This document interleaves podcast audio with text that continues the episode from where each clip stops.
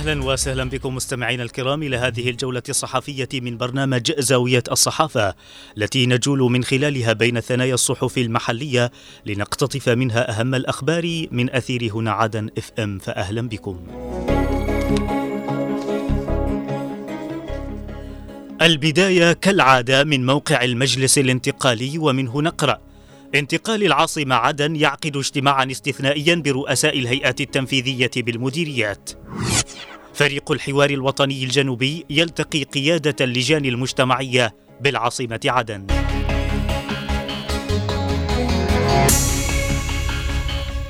عقدت القيادة المحلية للمجلس الانتقالي الجنوبي في العاصمة عدن برئاسة مؤمن السقاف اجتماعا موسعا برؤساء الهيئات التنفيذية للمجلس بالمديريات وذلك لاستعراض أهم خطط وبرامج الهيئات في المرحلة المقبلة وشدد السقاف خلال اللقاء أمس على أهمية تلمس معاناة المواطنين والمساهمة في حل قضاياهم مشيدا في ذات الوقت بالجهود التي تبذلها الهيئات من خلال التنسيق مع السلطة المحلية واللجان المجتمعية بالمديريات في كل ما من شأنه أن يحفظ الأمن والاستقرار في العاصمة عدن مستعرضا عددا من الموض... بل من المواضيع والملفات المهمة التي ستنفذ في المرحلة القادمة. التقى رئيس تنفيذية انتقال العاصمة عدن مؤمن السقاف أمس رئيس اللجان المجتمعية في منطقة شعب العيدروس بمديرية صيرة حسين نجيب وعددا من الأعضاء لبحث عدد من الإشكالات التي تعاني منها المنطقة.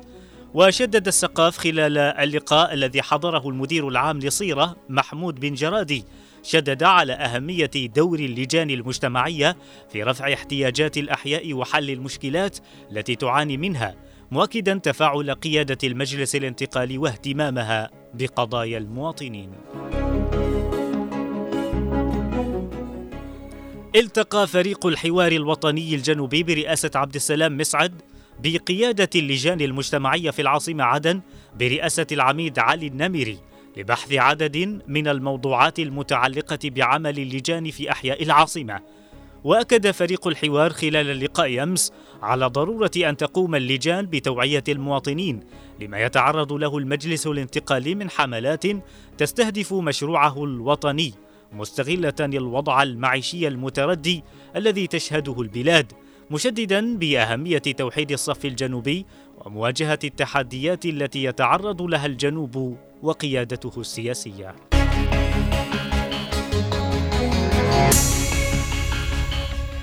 وإلى موقع عدن 24 مستمعين ومنه نقرأ خلال لقائه النائب العام باعوم يؤكد حرص المجلس الانتقالي على دعم النيابة. مكتب الثقافة بشبوة يدشن البرنامج الثقافي للعام الجاري.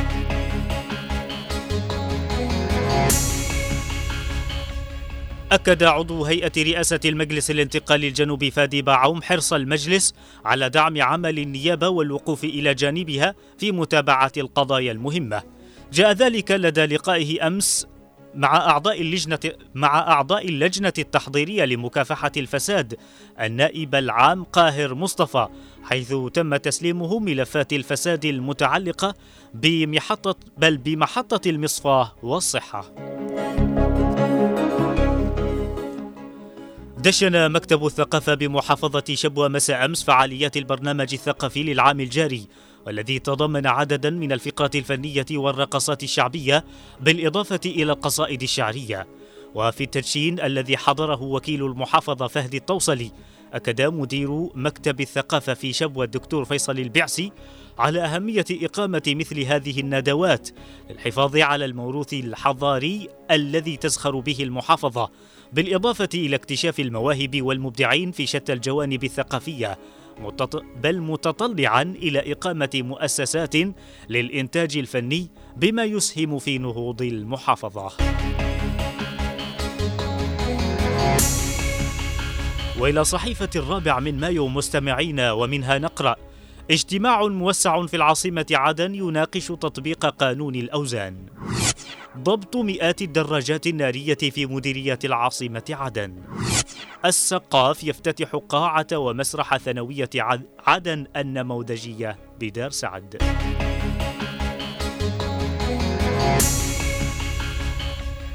ناقش اجتماع موسع عقد أمس في العاصمة عدن ضم رئيس مجلس إدارة صندوق صيانة الطرق والجسور معين الماس ووكيل محافظة عدن لشؤون النقل خالد الجمعلاني. جهود محطات الوزن المحوري في تطبيق قانون الأوزان وضبط الحمولات المخالفة وشدد الاجتماع الذي شارك فيه عدد من ممثلي وزارة النقل ومؤسسة موانئ خليج عدن على ضرورة التزام كافة الجهات المعنية بالحمولات المحددة وفقا للقانون للحفاظ على شبكة الطرق من الدمار.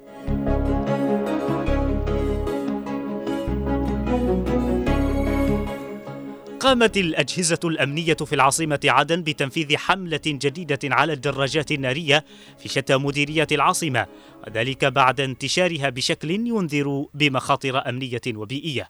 وضبطت الأجهزة خلال الحملة أمس مئات الدراجات النارية التي أكدت مصادر أنها قادمة من مناطق سيطرة ميليشيا الحوثي الأمر الذي يهدد أمن الجنوب واستقراره.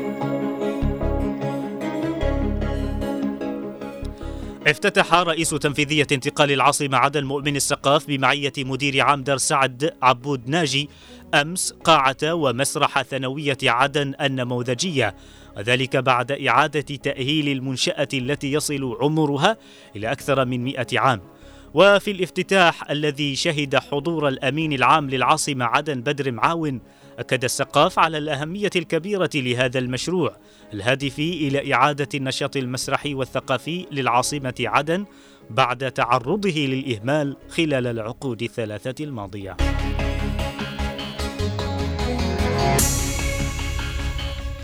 وإلى صحيفة عدن الإخبارية مستمعين ومنها نقرأ اتحاد نقابات الجنوب يعلن بدء الإضراب الجزئي في جميع مرافق الدولة ميليشيا الحوثي تستحدث معسكرا لتدريب الأطفال في تعز اليمنية.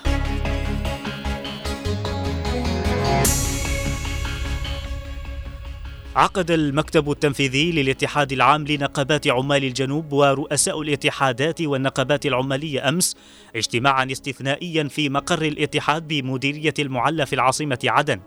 وأصدر الاتحاد خلال اجتماعه بيانا أقر فيه بالإضراب الجزئي الذي سيبدأ اليوم بواقع ساعة واحدة لمدة ثلاثة أيام يعقبه إضراب آخر بواقع ساعتين خلال ثلاثة أيام أخرى.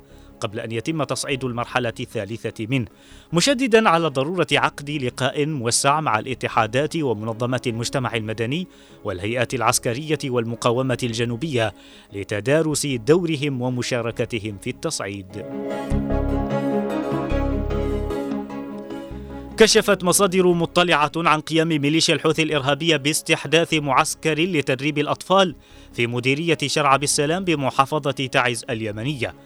هذا وتستغل الميليشيا المدعومة من إيران الأحداث التي تمر بها فلسطين جراء جرائم الاحتلال الإسرائيلي على غزة لتقوم بتجنيد الأطفال وتدريبهم كي تزج بهم صوب جبهات القتال لاستهداف الجنوب.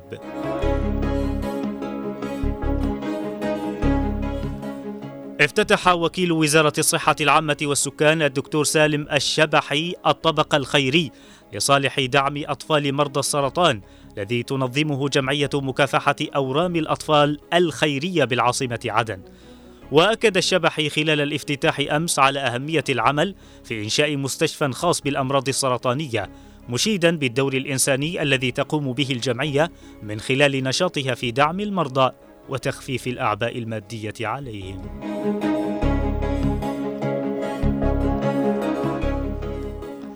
أقر اجتماع عقد أمس في محافظة سقطرى برئاسة المحافظ رأفت الثقلي فتح موسمين لاصطياد الشروخ والحبار قبل حلول شهر رمضان المبارك والعمل على التنسيق مع الشركات المستثمرة بهذا الجانب لضمان نجاحه.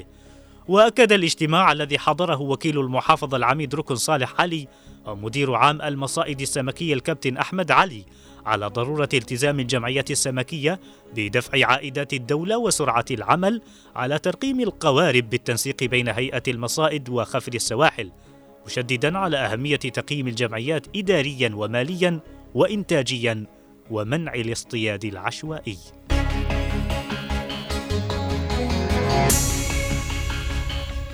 إلى هنا نصل وإياكم مستمعينا الكرام إلى ختام هذه الجولة الصحفية من برنامج زاوية الصحافة. رق التحايا وأعطرها مني ومن زميلي من الإخراج خالد الشعيبي وفي أمان الله.